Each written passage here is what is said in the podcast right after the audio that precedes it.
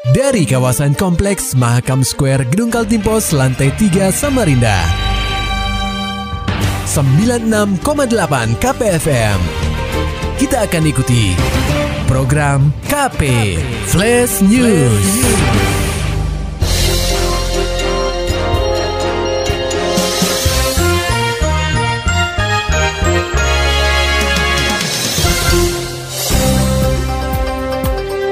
Anda sedang menyimak program KP Flash News bersama saya Agung Pratama.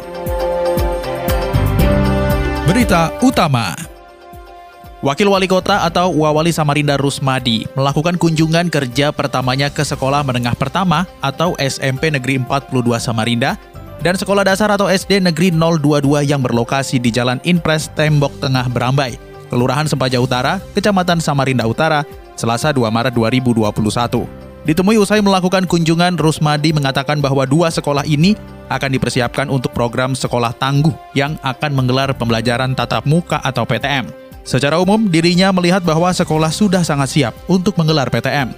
Ketika disinggung mengenai kapan pelaksanaan PTM ini akan terrealisasikan, Rusmadi menuturkan tentu saja pihaknya mendorong agar segera dilakukan. Tetapi karena cukup riskan, tentu Pemkot Samarinda akan berhati-hati dalam mengambil keputusan. Sekolah siap tadi, baik sekolah secara fisik maupun uh, guru dan tenaga kependidikan. Kemudian yang kedua, orang tua juga siap. Dan bahkan dari sekian banyak orang tua, saya tanya berapa persen yang menyatakan siap untuk mulai PTM 100 persen. Jadi nggak ada orang tua yang apa yang menolak. Kapan kira-kira Pak akan berlaku PTM ini Pak? Kita segera, tetapi karena ini Pak barang yang harus kita hati-hati di dalam mengambil kebijakan ya ini nanti kita angkat ke rapat Satgas Covid yang melibatkan TNI Polri. Senada dengan apa yang disampaikan Rusmadi, Kepala Dinas Pendidikan atau Disdik Samarinda Asli Nuryadin, menyebutkan bahwa kebijakan PTM ini memang harus ditelaah secara hati-hati. Oleh sebab itu, dari 310 sekolah di kota tepian, hanya 14 sekolah yang akan dibuka sebagai uji coba. Kita harus berhati-hati. Makanya dari 310 sekolah itu yang kita uji cobakan hanya 14. 14 itu pun kita bikin tiga tahap.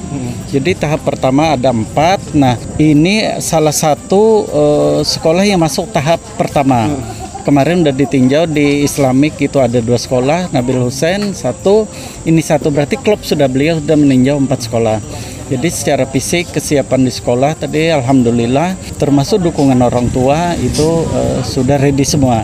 Asli menyampaikan jika melihat secara fisik sekolah yang akan menjadi pilot project sudah sangat siap menggelar PTM. Tetapi ada satu hal yang harus dipenuhi agar lebih meyakinkan orang tua siswa yakni mengenai vaksinasi untuk tenaga pengajar. Asli membeberkan pihaknya sudah menyerahkan data tenaga pendidik yang akan menerima vaksin pada pekan ini. Tercatat ada lebih dari 300 guru yang diajukan oleh Distrik Samarinda untuk menerima vaksin. Tetapi karena hanya empat sekolah yang akan dibuka dalam tahap pertama, sehingga hanya 153 guru dari empat sekolah tersebut yang akan menerima vaksin. Saya lupa ya tapi sekitar 300 lebih. 300 lebih. 300 lebih gu, bukan guru yang masuk di dalam kategori 14 sekolah. 14 sekolah 14 itu sekolah ya. yang akan diujikan uji uh, apa model pilot project untuk uh, tatap muka hmm. dan itu selama tiga bulan saya bilang tadi.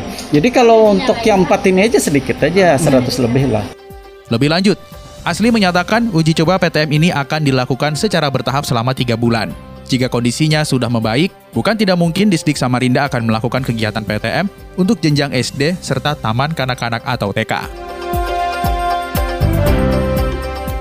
Dari dunia ekonomi pendengar KPFM, pengguna kris di Kaltim capai 99.157 merchant. Berikut laporan reporter KPFM Samarinda, Maulani Alamin. Pendengar KP, geliat pembayaran non-tunai di benua ETA mulai terlihat. Kantor Perwakilan Bank Indonesia Provinsi Kaltim melaporkan pada Januari 2021 sebanyak 99.157 unit merchant atau toko yang mengandalkan pembayaran elektronik tersedia di provinsi ini. Puluhan ribu merchant tersebut menggunakan Quick Response Code Indonesian Standards atau KRIS milik BI. Kepala Kantor Perwakilan BI Provinsi Kaltim Tutuk SH Cahyono menerangkan, dari 10 kabupaten dan kota di Kaltim, terdapat 5 daerah yang paling banyak menggunakan KRIS.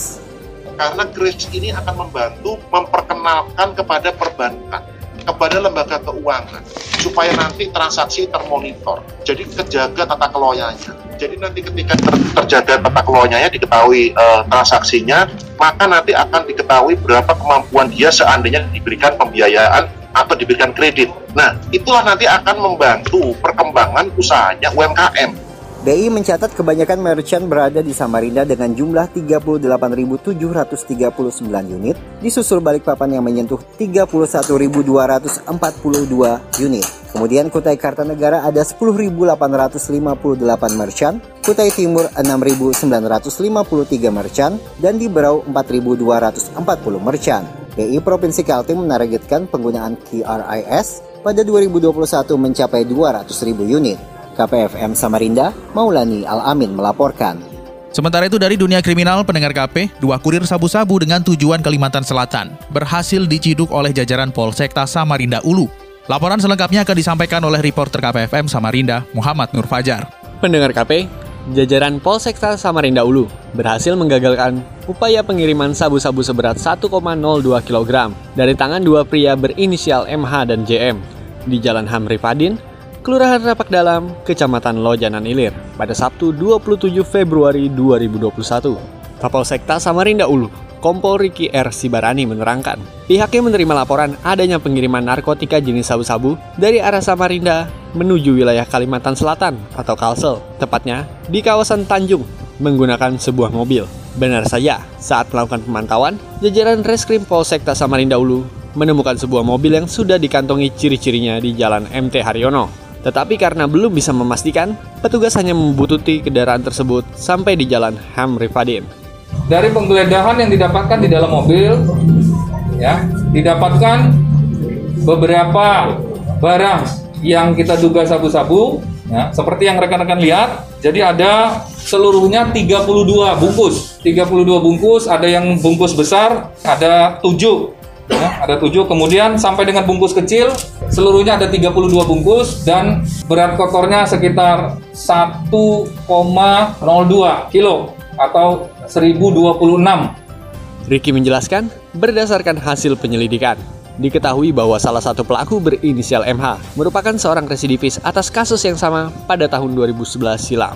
Dari sinilah, MH mengenal seorang pria berinisial O yang berperan sebagai otak dari pengiriman barang haram ini. Ricky menyampaikan, jika berhasil melakukan pengiriman sabu-sabu ke Kalsel, MH akan menerima bayaran sebesar 25 juta rupiah, sementara JM akan mendapat upah 10 juta rupiah.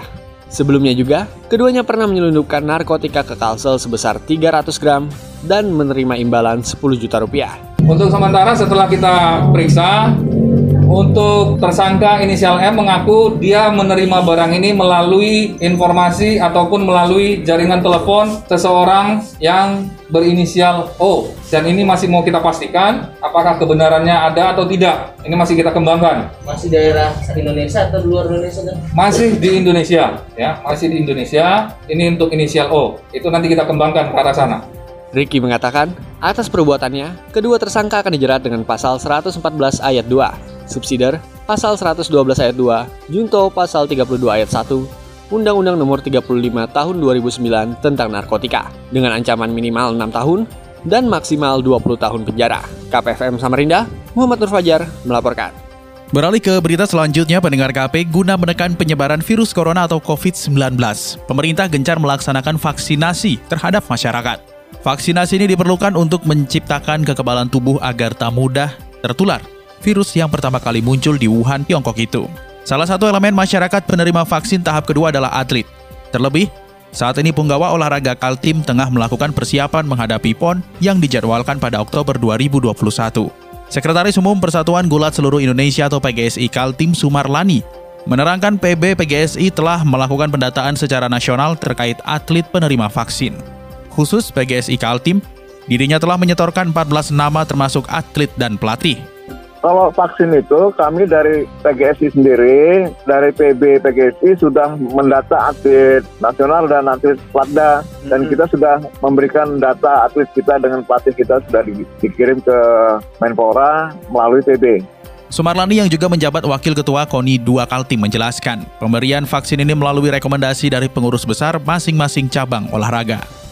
Maulani Alamin, Muhammad Nur Fajar, KPFM Samarinda.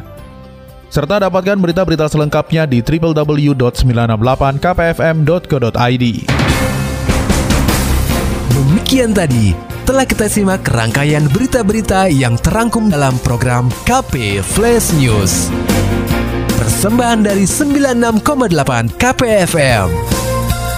Terima kasih dan sampai jumpa.